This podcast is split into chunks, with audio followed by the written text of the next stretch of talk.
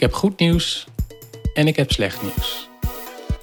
Het slechte nieuws is dat de Project Leefshow stopt. Het goede nieuws is dat de podcast doorgaat, maar onder een andere naam. Namelijk de Biohacking Impact Podcast. En in deze aflevering ga ik daarover vertellen van hoe ik daartoe ben gekomen en wat dat nou precies allemaal inhoudt. Maar voordat ik dat ga doen, nog een paar mededelingen. De eerste is dat deze podcast wordt mede mogelijk gemaakt door mijn Patreon supporters. Dus je kan deze podcast al steunen vanaf 1 euro per maand. En een bijzondere aandacht daarvoor natuurlijk voor de zogenaamde business class binnen mijn Patreon. Onder meer Giant Fox, Human Enhanced Engineering. En ga voor meer informatie naar www.giantfox.nl. Andere manier waarop je de podcast kan steunen. Ik wou echt bijna Project Leefshows zeggen, maar dan moet ik echt uit mijn systeem krijgen. Hoe je deze podcast kan steunen, de Biohacking Impact podcast, is door bij boek te bestellen. Dus je kan zowel het e-book bestellen als het gewone boek. En ga daarvoor naar www.biohackingboek.nl. En ik roep al de hele tijd dat die bijna af is. Nou, nu is het echt zo. Ik heb de laatste drukproef gezien van het binnenwerk. En uh, ik denk dat er nog één redactieslag overheen gaat. Of ik geef daar feedback op en dan gaat de vormgever daar weer mee aan de slag. Um, en dan uh, kan die gedrukt worden. Dus het moet nu echt heel snel uh, is het klaar. Dus uh, als je hem echt als eerste in huis wil hebben, ga naar biohackingboek.nl om hem vast te bestellen. De opbouw van deze aflevering bestaat uit een paar onderdelen. De eerste is van dat ik vertel over waarom ik heb besloten om de naam van de podcast te veranderen. En niet eigenlijk de naam, maar ook het, de manier waarop ik de podcast doe.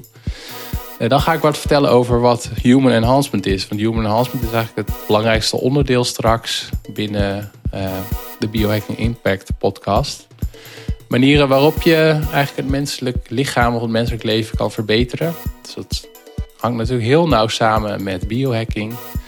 En ik ga het hebben over de mogelijke gevolgen daarvan. Dus dat is een ander interessegebied van mij. Van wat betekent dat nou voor, uh, voor de wereld, voor de samenleving, voor de maatschappij.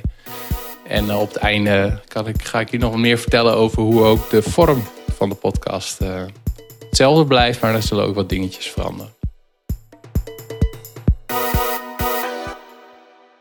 Ik heb 63 afleveringen opgenomen van de Project Leef Show. En ik heb daar echt van genoten. Toen ik daar, denk het is nu 2018, 2016 of 2015 mee begon. Ja, toen was het echt nog een soort van experiment. Want ik vond het toen heel leuk om naar andere podcasts te luisteren. En op een gegeven moment dacht ik van, uh, nou, dat wil ik eigenlijk zelf ook wel. Dus toen ben ik gewoon begonnen. En uh, ja, dat is tot nu toe heel lang uh, uiteindelijk volgehouden. Maar ik heb ook eigenlijk wel in die afleveringen wel nodig gehad om te bepalen wat ik echt wil. En ik kom er wel achter dat eigenlijk het meest enthousiast word ik als het gaat over gesprekken over de toekomst. Uh, ja, noem het trendwatcher, noem het futurist. Ik noem mezelf graag do-it-yourself futurist. Wat heel erg nauw samenhangt met biohacking. Dus ik vind, je kan het hebben over de toekomst of over nieuwe ontwikkelingen of technologie. Maar ik vind het zelf altijd krachtiger om dan echt dat zelf te ervaren. Dan kun je er wat mij betreft ook een betere mening over vormen en gesprekken over voeren. Andere dingen gaan, uh, ja, wat ook daarmee samenhangt uh, met biohacking, is ook mensverbetering. Want dat is uiteindelijk de kern, denk ik, van biohacking. In ieder geval hoe ik het interpreteer. Er zijn ook andere interpretaties. Daar schrijf ik in mijn boek ook wat meer over. Bijvoorbeeld over biohacking zoals dat wordt ge gebruikt binnen de Waag Society in Amsterdam. Dat hangt meer samen eigenlijk met de do-it-yourself biology. Maar biohacking wordt natuurlijk heel erg gerelateerd met bulletproof coffee. Dat is meer de commerciële variant van biohacking. Uh, maar ik word ook dus heel enthousiast over dat meer dat wetenschap en technologie, hoe die de mens kunnen verbeteren, noem het human enhancement. En de impact die dat heeft op bedrijven, instellingen, de overheid en de maatschappij. En nu voor een jaar ben ik helemaal zelfstandig. Dus ik heb het eigenlijk daarvoor altijd de podcast en een blog, et cetera, gecombineerd met een, uh, met een gewone baan. Die heb ik wel afgebouwd in de loop van de jaren. Uh, maar eigenlijk ook de laatste tijd de meeste lezingen en presentaties over nieuwe technologie. Dus zowel voor alg algemene technologische trends, voor bedrijven, maar ook veel over innovatie in de gezondheidszorg en welke impact heeft dat op het onderwijs bijvoorbeeld. En eigenlijk de thematiek die ik net al noemde, dat, daar sluit mijn TEDx-lezing ook wel mooi op aan. Dus eh, als je die nog niet hebt gekeken, dan kun je die terugkijken. Hij is iets van 13 minuten uit mijn hoofd. En zonder de spoiler weg te geven, gaat het eigenlijk over alle persoonlijke experimenten die ik heb gedaan. Hoe enthousiast ik ben over nieuwe technologie. Maar aan de andere kant ook wel van dat dat ook niet het alles is.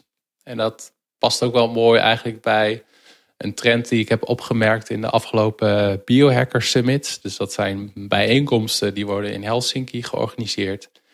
En af en toe ook in andere uh, landen.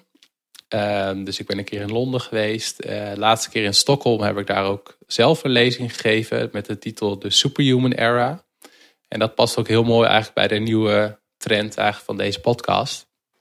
En ik ga er zo meteen wat meer over vertellen. Maar binnen die Biohacker Summit zag ik ook wel een ontwikkeling dat het in het begin heel erg ging om nieuwe technologieën en gadgets en apps. En dat is ook waar het voor mij ooit mee begon. Met uh, Quantified Self. Dus het meten van als ik ging hardlopen of wielrennen om dat te meten. En ik begon ook ooit te bloggen ook vanuit het uh, paleo dieet. Omdat ik heb daar veel over geschreven. En eigenlijk is dat wel grappig, want al die concepten doe ik nog steeds in een bepaalde zin. Ik ben bijvoorbeeld onlangs ook begonnen met trailrunning. Dat zijn zeg maar hardloopwedstrijden. Of zijn niet echt wedstrijden, want het, het gaat minder eigenlijk om het. Gaat, zijn natuurlijk wel mensen die dat doen, maar waar, ik moet natuurlijk eerst even uitleggen wat het is. Trailrunning is dat je in een natuurgebied gaat rennen. Dus je hebt niet echt een stratenparcours, maar je hebt echt heuveltjes en heiden. En ik had eergisteren een wedstrijd gedaan in de, de Stroese Heide. Uh, midden op de Veluwe, als ik het goed zeg, bij Kootwijk en Kootwijk Wijkerbroek. En er moest ook een heel stuk over ehm, ja, duinen. Duinen in de heide. En, uh, dus je kan heel moeilijk eigenlijk je tijden vergelijken. Dus wel als natuurlijk als ik deze loop volgend jaar nog een keer ga doen. Maar het gaat minder om het uh, halen van een bepaalde tijd. En dat sluit eigenlijk ook wel aan met wat ik merkte binnen de Biohacker Summit. Dus aan de ene kant gaat het inderdaad meer om nieuwe technologie.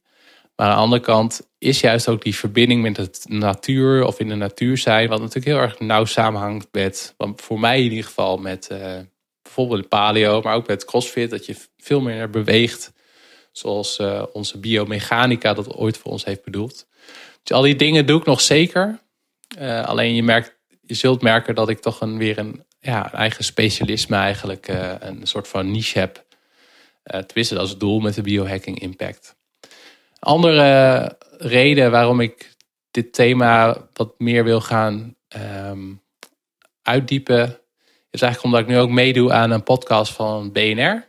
Ehm, die podcast heet Bionic Man. En daarin ben ik tien weken te gast. Samen met professor Peter Paul Verbeek van de Universiteit van Twente. En ik zal ook een link opnemen bij de show notes. Uh, maar dat gaat ook eigenlijk over wat zijn allemaal manieren waarop we ons als mens kunnen verbeteren. Dus dan ging aflevering over brein-computer interfacing.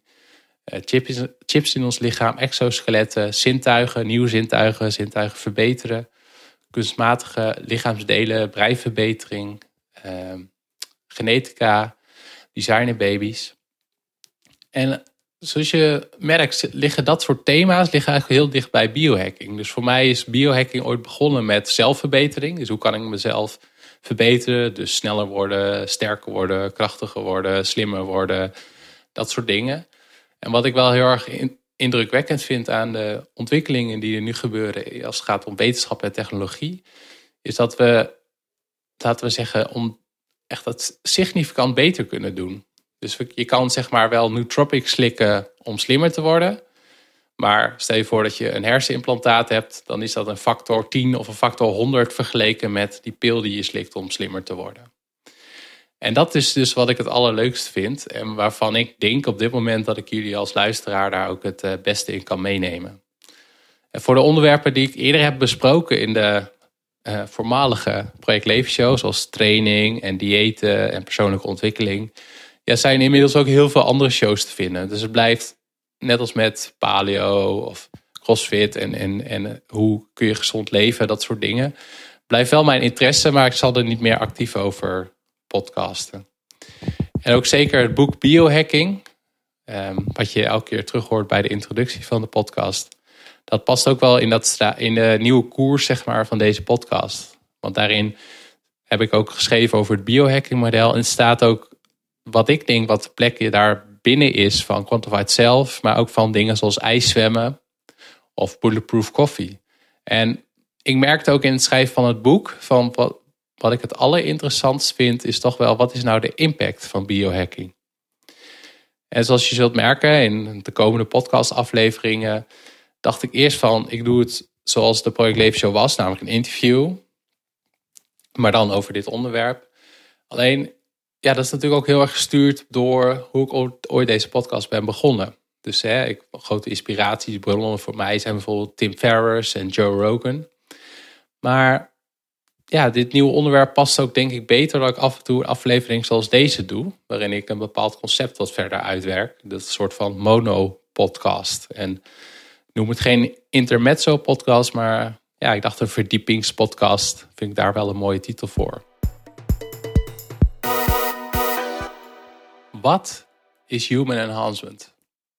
Human enhancement, andere termen daarvoor zijn mensverbetering of de supermens. Maar het leek me leuk voordat ik wat vertel over de inhoud. Ehm, om te beginnen met een verhaal. Hier komt het. Het is het jaar 2052. Het dodelijke virus, Grey Death, slaat dood en verderven over de wereld.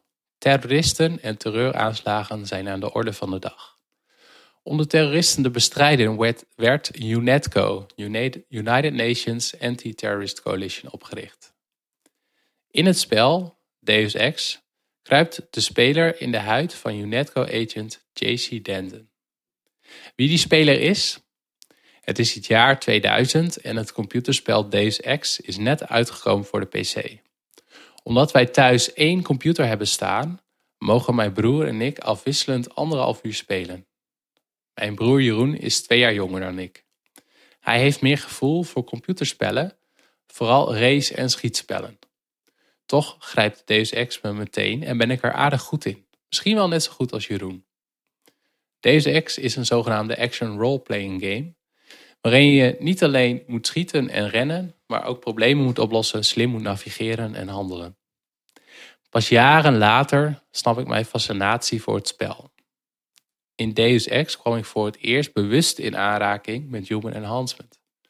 Op bepaalde plekken in het spel kon jij als game character uitrusten met extra modificaties, functionaliteiten en vaardigheden. Denk aan een kunstmatig oog voor nachtzicht, een aanpassing in je zenuwstelsel waardoor je meer stabiliteit in je hand hebt, of een genetische wijziging van de spieren in je benen om harder te rennen. Dit is trouwens een, eh, een deel uit mijn boek. Je zult wel denken, hij heeft het er weer over. Maar elk deel binnen het boek start ik met een kort verhaal. En dit is het verhaal wat gaat over human enhancement. En human enhancement is eigenlijk niet zo vreemd. Eigenlijk de mooiste manier om het te vergelijken is het verschil met de gezondheidszorg. Dus in de gezondheidszorg heb je medicatie of behandelmethoden of misschien wel toevoegen van elektronica, waar ik zo meteen wat over ga vertellen, om een ziek persoon weer gezond te maken. Dus van, laat ik zeggen, van 80% functioneren naar 100% functioneren. En human enhancement is eigenlijk mensverbetering. Dat gaat over het idee van, oké, wat nou als je al op 100% zit? Hoe kunnen we nou zorgen dat mensen 110% worden, of 120% of 150%? En dat is natuurlijk biohacking in essentie. Maar om nog even terug te gaan op de gezondheidszorg, een mooi voorbeeld daarvan is wel plastische chirurgie of botoxbehandelingen. Of, dat zijn zeg maar dingen die in eerste instantie werden gebruikt om zieke mensen beter te maken. Maar als je genoeg geld hebt, die nu worden gebruikt om eigenlijk wel gezonde mensen nog beter te maken. En Jos de Mul is hoogleraar filosofie van mens en cultuur aan de Erasmus Universiteit in Rotterdam. En ik vind dat hij de term human enhancement eigenlijk best wel mooi samenvat. Hij zegt namelijk, het gaat niet alleen om levensverlenging, maar bijvoorbeeld ook om versterking en uitbreiding van het lichaam door uiteenlopende prothesen, de koppeling van het menselijk brein aan computers en robots, het vergroten van het menselijk geluk van farmaceutische middelen of neurale stimulatie. Er zitten wel een aantal dingen in en ik wil die heel even kort nog behandelen. Want er zijn allerlei manieren waarop je jezelf kan upgraden of verbeteren. Dus je kan bijvoorbeeld harder willen rennen, sneller willen, rennen, sneller kunnen denken, beter geheugen kunnen willen hebben, langer willen leven, überhaupt gezonder willen zijn. Dat soort dingen. Maar wat zijn nou met methoden om dat eigenlijk te bereiken? Nou, een daarvan is bijvoorbeeld farmaceutisch. Dus je kan zeg maar pillen slikken of andere middelen tot je nemen om beter te worden of om sterker te worden. Of in het geval van nootropics, waar ik ook een aantal, bijvoorbeeld bij 3FM te gast was in, uh, in de uitzending. zijn tegenwoordig ook pillen die je kan slikken om je cognitie te verbeteren. Een voorbeeld wat wel mooi aansluit bij dat verschil van gezondheidszorg en ja, mensverbetering eigenlijk, is Ritalin. Dus dat wordt eigenlijk ingezet als medicijn, maar er zijn ook mensen die geen last hebben van een aandoening, maar die dat wel slikken om hun aandacht en om hun stemming te verbeteren. Dus farmaceutisch is één onderdeel. Het tweede onderdeel is genetisch en epigenetica, waar ik een paar afleveringen geleden met Desiree Coubert over had. En genetica is eigenlijk, de genen zijn eigenlijk de code van het leven. Dus iedereen, elk levend orgaan, ook schimmels en bacteriën en dieren en planten, bestaat uit DNA. Zoals het ware de, ik noem het dan in vergelijking met computers, de, de operating system of life. En we zijn nu eigenlijk in staat om dat te analyseren. Dat heb ik bijvoorbeeld ook van mezelf gedaan. Maar ook om dat, ja, daarop in te grijpen. En misschien heb je wel eens gehoord van de term CRISPR-Cas9. Dus we zijn al, eigenlijk al veel langer in staat om onze genen aan te passen. Vroeger deed dat bijvoorbeeld met veredeling met planten of door het fokken van dieren. Dat je ja, bewust eigenlijk probeert om uh, bepaalde genen uh, ja, voor te planten naar volgende generaties, om het zo maar te zeggen. Maar met CRISPR-Cas9 is eigenlijk de technologie om dat veel sneller, effectiever en goedkoper te kunnen. En daarin wordt ook al gesproken, gesproken bijvoorbeeld over designerbabies. Dus dit wordt al wel in onderzoeken gedaan. Maar kun je bijvoorbeeld op, in een embryo al de genen aanpassen. En in sommige gevallen is dat wel een goed idee. Omdat je dan een aandoening blijvend ook richting volgende generaties kan uitschakelen. En dat is wel een belangrijk verschil. Want je hebt somatische uh, gentherapie en kiembaan gentherapie. En kiembaan gentherapie betekent ook dat naar volgende generaties wordt overgegeven. En dan gaat het niet alleen om mensverbetering. Er wordt bijvoorbeeld ook gesproken om uh, bepaalde malaria-muggen, of muggen die malaria kunnen verspreiden, om die blijvend aan te passen, zodat ze geen malaria meer kunnen doorgeven. Er wordt ook gesproken als het gaat over, en dat is wel een van de meest interessante toepassingen, daar vond ik met Desiree ook heel interessant, over epigenetica. Epigenetica hangt ook heel nauw samen met biohacking. Namelijk van kun je door aanpassing in je leefstijl ook de epigenetica aanpassen. Want epigenetica gaat eigenlijk om de expressie van genen. Van komen genen wel of niet tot expressie en de mate waarin dan. Wat ik een hele interessante toepassing vind, is zijn we straks niet in staat om epigenetisch te programmeren. Dus dan gaat het helemaal niet om dat jij als uh, nieuwe vader of moeder al keuzes maakt voor je kind. Namelijk van nou, ik wil deze gene erin hebben of deze gene eruit. Maar dat het epigenetisch programmeren is eigenlijk veel flexibeler. Dus dan zou je kunnen zeggen, als je een bepaalde leeftijd hebt, 16 of 18, van oké, ik besluit nu dat ik dat onderdeel van mijn leven epigenetisch wil programmeren en dat deel niet. Belangrijk hierbij om te vertellen is dat het nogal, uh, ja, dat het zo snel kan gaan, maar dat we ook niet zeker weten of het zo snel gaat. Maar het is een reëel toekomstscenario. Derde onderdeel is bioelektronica. Dat is eigenlijk het onderdeel waar ik, het vaak, waar ik ook het vaakst over word geïnterviewd. Namelijk die chip in mijn hand.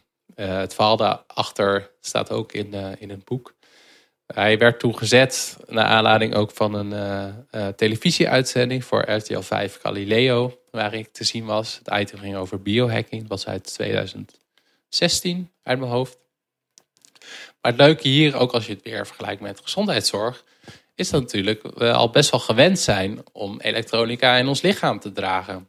Tenminste, je hebt een pacemaker, die neemt de functie van een sinusknoop over, dus die stuurt eigenlijk het hart aan. Tegenwoordig ook al uh, de brain pacemaker, die schijnt ook te kunnen helpen met het ontwikkelen van tegen het ontwikkelen van aandoeningen zoals Alzheimer en Parkinson. Maar je hebt ook gehoorimplantaten die ook echt gehoorimplantaten zijn. Dus die in het lichaam worden gebracht. En de toepassingen daarvan zijn natuurlijk heel erg interessant. Want kun je op een gegeven moment ook je uh, andere organen vervangen voor elektronische varianten. Dus voor sommige mensen, in de, uh, voor sommige patiënten wordt het al toegepast.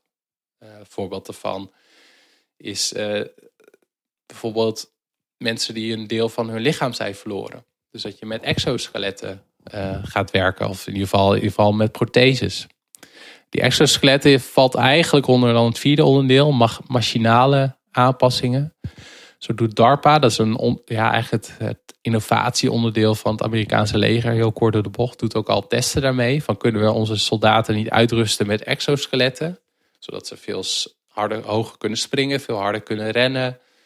Uh, ja, eigenlijk hun eigen capaciteiten upgraden. Dus mensverbetering gaat nog, soms nog niet alleen om echt het sleutelen aan de mens, maar ook je kan dingen om, om de mens bouwen. En interessant daaraan vind ik ook dat brain-computer interfacing. Dus hoe meer we weten eigenlijk over onze hersenen, kunnen we dat ook gebruiken. Niet alleen om onze hersenen uit te lezen en te analyseren. Waar bijvoorbeeld de podcast met Martijn van de Heuvel over ging. Maar kunnen we dan ook, zijn we dan ook in staat om machines aan te sturen met onze hersenen.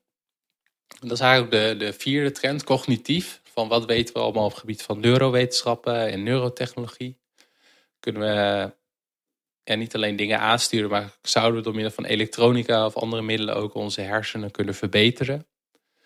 Andere ontwikkeling is nog nanotechnologie. Daar had ik het onlangs over met Martijn van Kalmthout. En toepassingen daarbinnen, bijvoorbeeld van kunnen we op minuscule niveau eh, schakelbare medicijnen maken of robots in een bloedbaan sturen die naar een bepaalde plek gaan. Kunstmatige intelligentie, daar heb ik een heel stuk over geschreven op mijn blog. Maar dat is ook wel interessant. Want dan gaat het ook niet zozeer over van kunnen we de mens upgraden. Maar misschien kunnen we intelligentie gebruiken om ons te helpen als mensen. Maar de visie is van sommige denkers is in ieder geval ook van ontstaat op een gegeven moment niet een superintelligentie. Dus als een intelligentie die slimmer is dan niet alleen jouw, jouw intelligentie of mijn intelligentie. Maar ook de intelligentie van alle mensen gecombineerd over de hele wereld. En wat zou dat dan betekenen voor de toekomst van de mensheid? Worden we op een gegeven moment niet gewoon ingehaald of juist irrelevant door zo'n superintelligentie.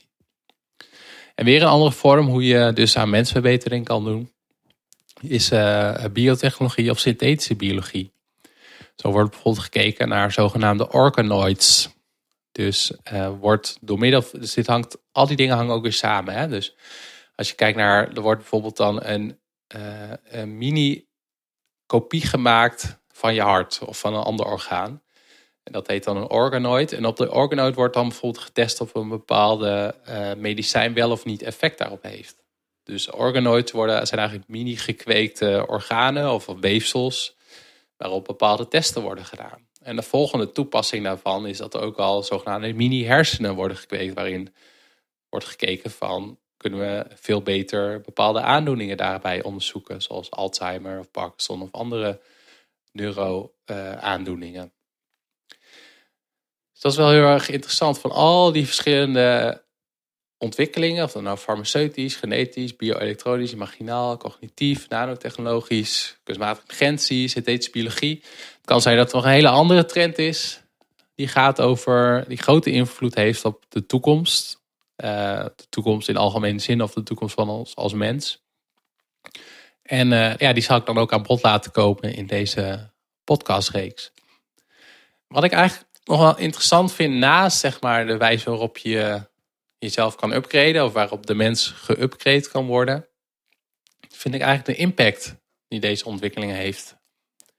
Dus een interessant concept daarbinnen vind ik de zogenaamde Jetson fallacy. Een Jetson fallacy, dat is een term die heb ik geleend van Michael Bess. Hij heeft een boek geschreven en ik ga hem ook nog interviewen voor deze podcast. Dus die komt over een paar weken online. En de Jetson Fallacy is eigenlijk, misschien ken je de tekenfilmserie The Jetsons nog wel. Dat is een serie uit 1967. En dat gaat dan over een familie of een gezin, de Jetsons, die 100 jaar later leeft. Dus in 2000, uh, eh, ik ben altijd in de war. 67. Ja. En het gaat er eigenlijk over van, je ziet dan die familie en die hebben dan vliegende robots in een huishoudrobot uh, en uh, vliegende auto's, zou ik zeggen. Dus die leven compleet in de toekomst. Alleen wat heel bijzonder is, is dat zij als mens helemaal niet zijn veranderd. Ze zijn gewoon hetzelfde als 100 jaar geleden. En ook hun hele dynamiek en hun relaties en dat soort dingen zijn allemaal gelijk. En dat, zegt Michael Bess, zie je dus heel veel in science fiction. Dus dat wij blijkbaar een hele andere wereld leven, maar als mens zijn we helemaal niet veranderd en mogen we gewoon nog dezelfde menselijke gedoe en uh, ja, zeg dat? Sociale relaties en dat soort dingen. Terwijl, en dat komt bijvoorbeeld ook uit een, uh, een ander artikel wat ik wel interessant vond, is dat eigenlijk een menselijk lichaam of de mens een soort van ingenieursproject wordt. zij noemen dat een NBIC-conversie. Dat staat voor neuro, bio, informatie en cognitieve conversie. Dat we in staat zijn om eigenlijk de mens helemaal te wijzigen. En een ander concept wat ik hierin wel interessant vind, is, en dat legde professor Peter Paul Verbeek uh, mij uit, of ons uit eigenlijk in die podcast voor BNR die ik uh, had genoemd is dat eigenlijk mensverbetering ook heel geleidelijk gaat. Dus je ziet dat bijvoorbeeld ook al met Ritalin. Uh, maar hetzelfde geldt rondom plastische chirurgie en botox. Dat zijn in eerste instantie zullen we dit soort toepassingen of behandelingen of medicijnen of uh, bioelektronica gaan we dat inzetten gewoon om zieke mensen beter te maken. En als het daar allemaal een beetje werkt en we komen er misschien achter dat het gezonde mensen ook kan helpen. Of, of om langer te leven, of om gezonder te worden, of om iets anders beter te kunnen. Of om in het geval van botox en plastische chirurgie om mooier te worden. Kun je daar natuurlijk ook nog wat uh, discussie over voeren. Dan zal het op die manier gaan. Dat vind ik wel, dat is voor mij wel een inzicht geweest. Zeker de laatste jaren, als bijvoorbeeld mensen mij vragen naar de chip in mijn hand, dan zeggen vragen ze aan mij van ja, denk je dat in de toekomst iedereen zo'n chip heeft? En vroeger dacht ik ja, natuurlijk, want het is natuurlijk allemaal wat voor mogelijkheden je daarmee kan hebben. Maar de laatste tijd, of zeker naar die opmerking van Peter Paul van Beek, denk ik inderdaad van dat is misschien een te grote stap. Misschien als we in de gezondheidszorg de vorm van bioelektronica gaan dragen, dat het daar goed getest is en dat dan blijkt dat dat nog veel meer significante voordelen heeft, dat andere mensen dat dan ook gaan doen. Maar voor de rest zie ik dat toch niet zo snel in één keer zo plotsklaps gebeuren. Wat ik ook nog heel interessant vind, als het gaat over de impact van biohacking of de impact van mensverbetering, of in ieder geval de toekomst van ons als mens, is van dat we ook de, ja, de gevolgen eigenlijk niet zo goed weten. een mooie case daarin is uh, dat een patiënt in Nederland had uh, ziekte van Parkinson. En een methode om daarmee om te gaan of in dat te behandelen is deep brain stimulation. Er wordt een elektronen vlakbij een bepaald gebied in de hersenen ingebracht en er wordt eh, stroom opgezet, even kort door de bocht gezegd. En die patiënt kwam inderdaad af van zijn symptomen. Alleen hij ontwikkelde ook een andere persoonlijkheid. Dus hij begon dingen te stelen. hij, begon, hij was heel introvert, hij werd heel extravert. En hij begon vreemd te gaan. En op het moment dat hij behandeling weer werd uitgezet, had die persoon ook weer zijn oude persoonlijkheid terug. En hij was zich, realiseerde zich ook niet de verandering die hij had ondergaan. Dus dat laat, vind ik, een hele mooie case die ik vaak gebruik in lezingen om te vertellen over van ja, we kunnen ons als mens wel verbeteren, maar weten we eigenlijk wel wat de gevolgen daarvan zijn? En zeker, dus dat is nog maar het voorbeeld van een individu, maar ook als het gaat over de hele samenleving. Dus biohacking, dat human enhancement. Hè, een vorm van biohacking is juist ook dat mensen zijn die dat op zichzelf testen. Dus een voorbeeld is, dat CRISPR-Cas9. Dat wordt nu nog vooral onderzocht om bepaalde ziektes te verhelpen. Ehm, zoals de ziekte van Huntington of sikkelcelanemie. Of dat je bloedcellen gaat modificeren zodat ze beter leukemie uh, kunnen uh, aanvallen. Alleen Josia Zener van de Odin dat verhaal vertel ik ook wel vaker, heeft dat op zichzelf getest. En hij zegt dat omdat hij daarmee de discussie wil aanswengelen. Maar wat was nou de reden? Niet dat, dat hij ziek was. Maar hij heeft net als ik een bepaalde genetische aanleg dat hij niet heel makkelijk spieren krijgt. En daardoor heeft hij zichzelf gemodificeerd met een gen die myostatine uh, uitschakelt. En die staat bijvoorbeeld ook uit bij uh, Belgische dikbeelkoeien. Dus hij wilde op die manier zijn spiermassa vergroten. En dat is dus wel, vind ik heel interessant. Dus niet alleen wat, wat gebeurt er op het moment dat we het allemaal gaan doen, maar je ziet dus nu al dat het op kleine schaal mensen zijn die dat op zichzelf experimenteren. En wat als nou wel effect heeft. Ik bedoel, je ziet het al in topsport of in bodybuilding. Ja, de mens, en ik ook, is van nature misschien wel lui of het is wel makkelijk. Van waarom zou je nog al die effort doen op het moment als je dat gewoon veel makkelijker kan? Nou, dit schuurt ook wel een beetje aan naar transhumanisme. Ik denk dat dat een onderwerp is wat ik in een andere podcast nog een keer aan bod laat komen. Misschien in deze vorm, waarin ik er wel meer verdieping, wat meer over vertel. Uh, maar een mooie, mooi verhaal daarbinnen vind ik nog. Uh, ik was uh, vorig jaar of het jaar ervoor bij een lezing van Marcel Messing. Hij is filosoof en hij is bijzonder kritisch op het transhumanisme.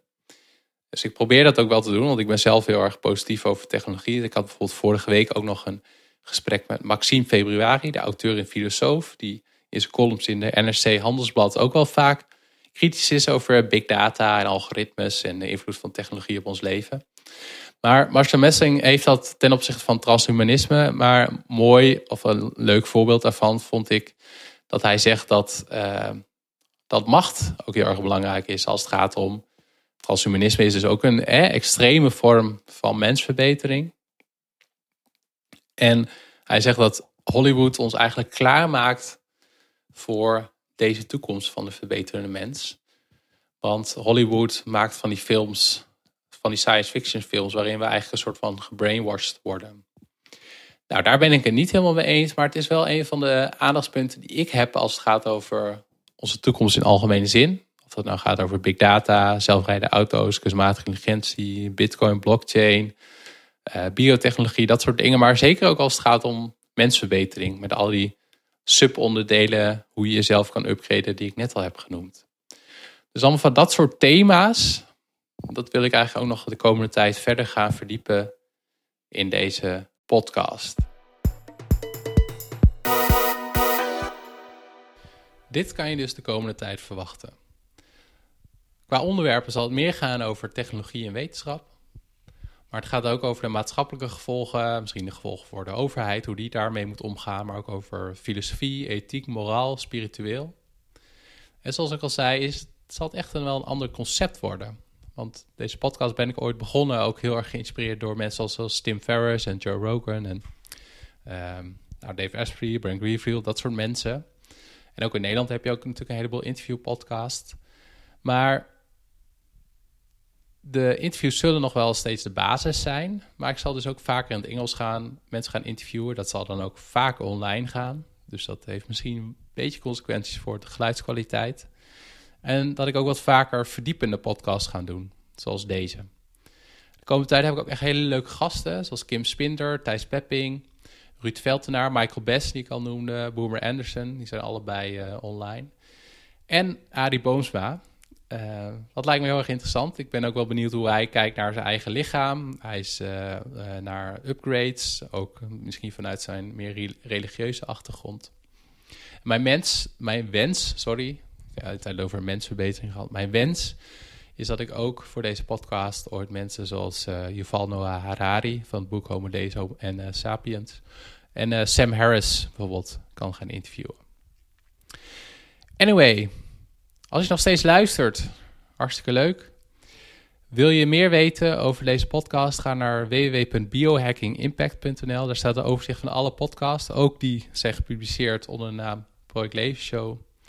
En wil je deze podcast steunen, dan kan je dat doen door gewoon geabonneerd te blijven. Ik ga dus hele leuke gasten hebben. Het zou natuurlijk tof zijn als je gewoon elke aflevering luistert. Maar ik kan, je, kan me ook voorstellen dat als een bepaalde gast is, dat je daarna gaat luisteren. Dat vind ik allemaal prima. Wil je nou meer doen voor deze podcast? Dan kan je mij steunen via Patreon. Ga naar patreon.com slash peterjoosten.